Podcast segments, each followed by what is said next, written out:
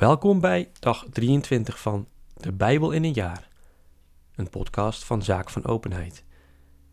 Vandaag lezen we Genesis 49 en 50, Psalm 23 en Matthäus 15, vers 1 tot en met 20. Genesis 49. Daarna riep Jacob zijn zonen en sprak: Verzamelt u, en ik zal u verkondigen wat u in de verre toekomst geschiet. Komt bijeen en luistert, zonen van Jacob, hoort naar Israël, uw vader. Ruben, gij mijn eerstgeborene, mijn kracht en eersteling van mijn mannelijke rijpheid. De eerste moest ge in hoogheid zijn, de eerste in macht. Maar ge zijt een schuimende beek, gij zult die voorrang niet hebben, want ge hebt het bed van uw vader beklommen, toen mijn sponde ontwijd. Simon en Levi, echte broers, list en geweld zijn hun zwaarden. Mijn geest wil in hun plannen niet treden, mijn hart heeft geen deel aan hun raad. Want in hun toorn hebben zij mannen verslagen, in hun moedwil stieren vermengd. Vervloekt hun toorn zo heftig, hun gramschap zo fel. Ik zal ze verdelen in Jacob, ze verstrooien in Israël. Juda, u prijzen uw broers, uw hand drukt op de nek van uw vijand. De zonen van uw vader buigen zich voor u neer. Juda, als een leeuwenwelp stijgt gij omhoog naar de buit, mijn zoon. Hij kromt zich, hij vlijt zich neer als een leeuw en als een leeuwin. Wie durft hem wekken? De schepter van zal van Juda niet wijken, de staf niet tussen zijn voeten, totdat hij komt, wien ze behoort, en voor wien de volken zich bukken.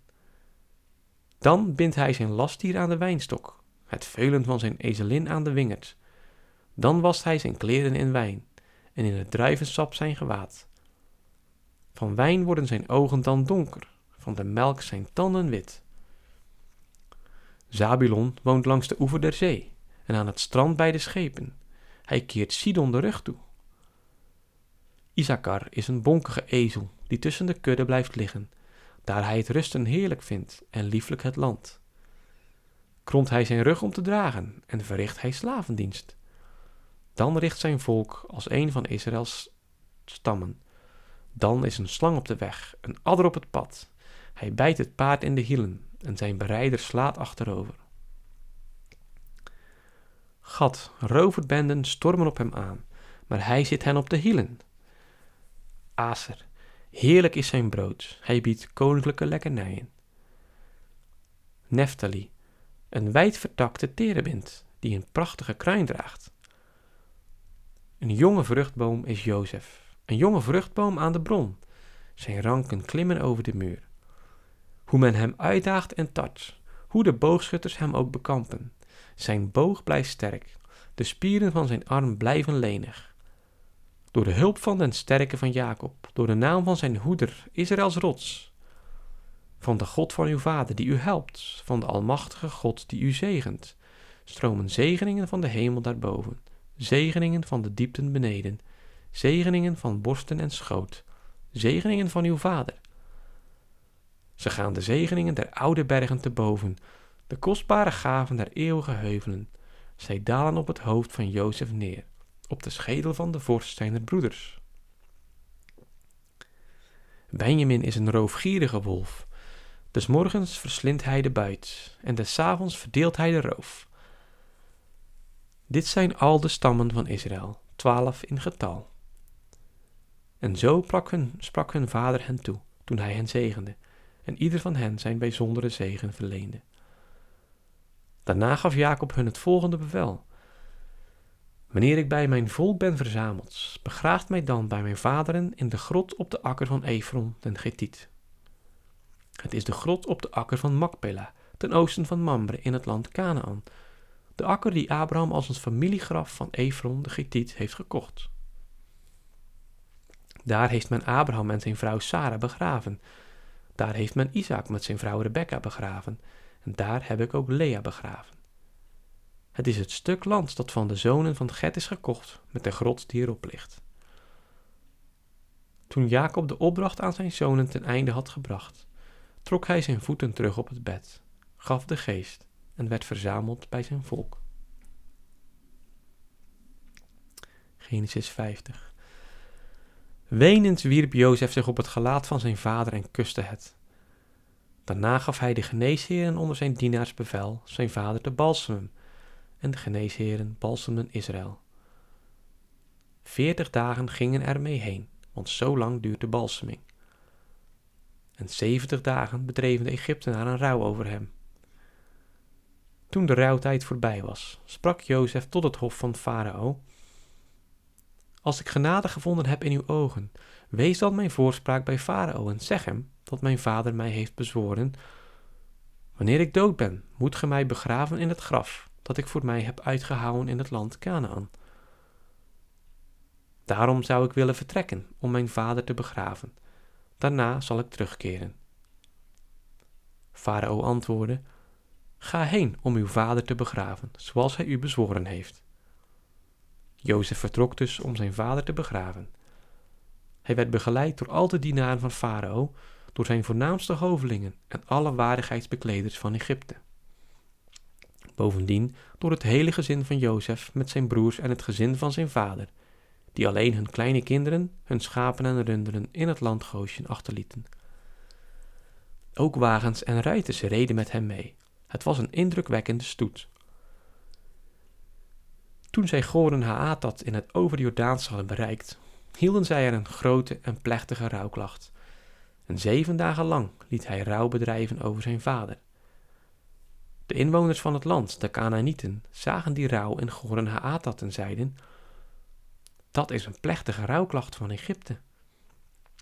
Daarom wordt deze plaats Abel Misraim genoemd. Ze ligt in het overjordaanse. Daarna deden zijn zonen wat hij hun had bevolen. Ze brachten hem naar het land Canaan over, zoals hij hun had gelast, en begroeven hem in de grot op de akker van Makpela, ten oosten van Mamre, die Abraham als een familiegraf had gekocht van Efron den Getiet. Na de begrafenis van zijn vader keerde Jozef met al zijn broers en allen die hem hadden vergezeld om zijn vader te begraven naar Egypte terug. Nu hun vader gestorven was, werden de broers van Jozef bevreesd en zeiden: Als Jozef ons nu maar niet vijandig behandelt en ons al het kwaad vergeldt dat wij hem aangedaan hebben. Daarom lieten zij Jozef berichten: Uw vader heeft voor zijn dood ons bevolen. Zo moet ge tot Jozef spreken: Vergeef toch de misdaad en de zonde van uw broers en het leed dat zij u hebben aangedaan. Vergeef dus de misdaad der dienaars van de God van uw vader. Toen men zo tot hem sprak, begon Jozef te wenen. Nu kwamen zijn broers zelf, vielen op hun aangezicht neer en zeiden: Zie, wij zijn uw slaven. Maar Jozef sprak: Gij behoeft niet te vrezen. Bekleed ik soms de plaats van God? Gij hebt mij kwaad willen doen, maar God heeft het ten goede gekeerd, om een talrijk volk in het leven te behouden, zoals nu is geschied. Wees dus niet bang, ik zal voor u en uw kinderen zorgen. Zo gaf hij hun moed en onderhield zich minzaam met hen. Jozef bleef in Egypte wonen met het gezin van zijn vader. Hij werd 110 jaren oud.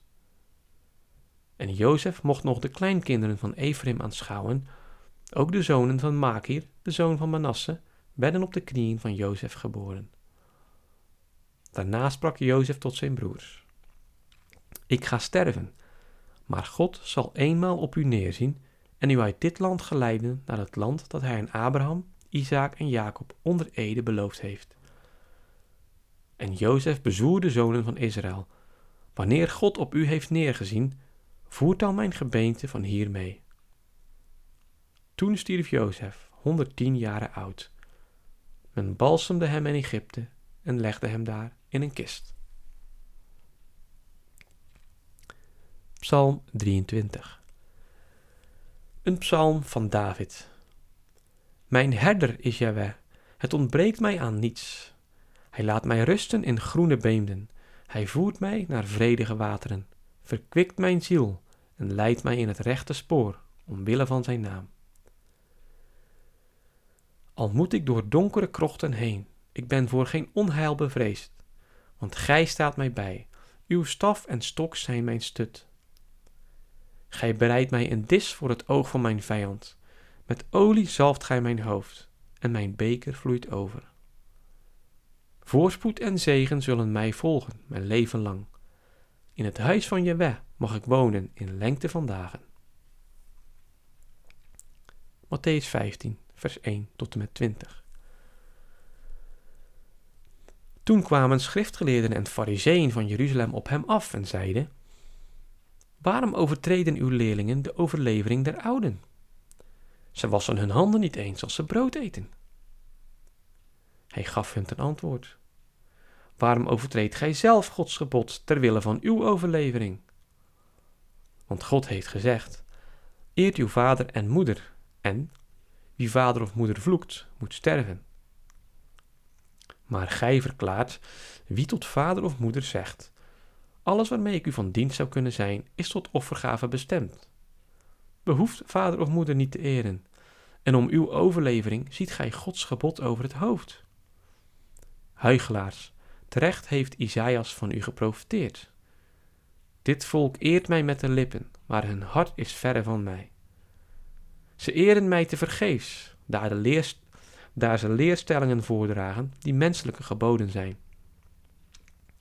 En nadat hij het volk tot zich had geroepen, sprak hij tot hen: Hoort en verstaat. Niet wat de mond ingaat bezoedelt de mens, maar wat de mond uitkomt, dat bezoedelt de mens. Nu naderen zijn leerlingen en zeiden tot hem: Weet gij wel dat de Fariseeën bij het horen van dit woord zich hebben geërgerd? Hij antwoordde: Iedere plant die mijn hemelse vader niet heeft geplant, zal worden uitgerukt. Laat hen begaan. Ze zijn blinde leiders van blinden. Maar als de ene blinde de andere leidt, vallen ze allebei in de kuil. Toen nam Petrus het woord en zeide: Verklaar ons deze gelijkenis. Hij sprak: Zijt ook gij nog zonder inzicht? Begrijpt gij niet dat alles wat de mond ingaat in de buik terechtkomt en op zekere plaats wordt uitgeworpen? Maar wat de mond uitgaat, komt voort uit het hart, en dat verontreinigt de mens. Want uit het hart komen slechte gedachten voort, moord, overspel, ontucht, diefstal, valse getuigenissen, godslasteringen. Dit is het wat de mens bezoedelt. Maar met ongewassen handen eten bezoedelt de mens niet. Tot zover het woord van God. Deo gratias.